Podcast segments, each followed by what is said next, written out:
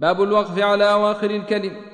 والإسكان أصل الوقف وهو اشتقاقه من الوقف عن تحريك حرف تعزلا وعند أبي عمرو وكوفيهم به من الروم والإشمام سمت تجملا وأكثر أعلام القرآن يراهما لسائرهم أولى العلائق مطولا.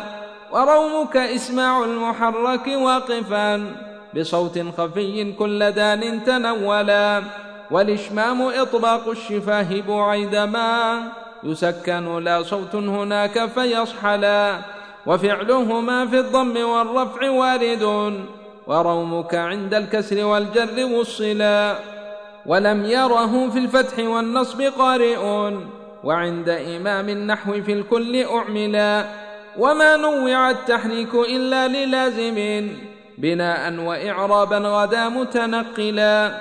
وفي هاء تأنيث وميم الجميع قل وعارض شكل لم يكونا ليدخلا. وفي الهاء للإضمار قوم أبوهما ومن قبله ضم أو الكسر مثلا. أو ما هما واو وياء وبعضهم يرى لهما في كل حال محللا.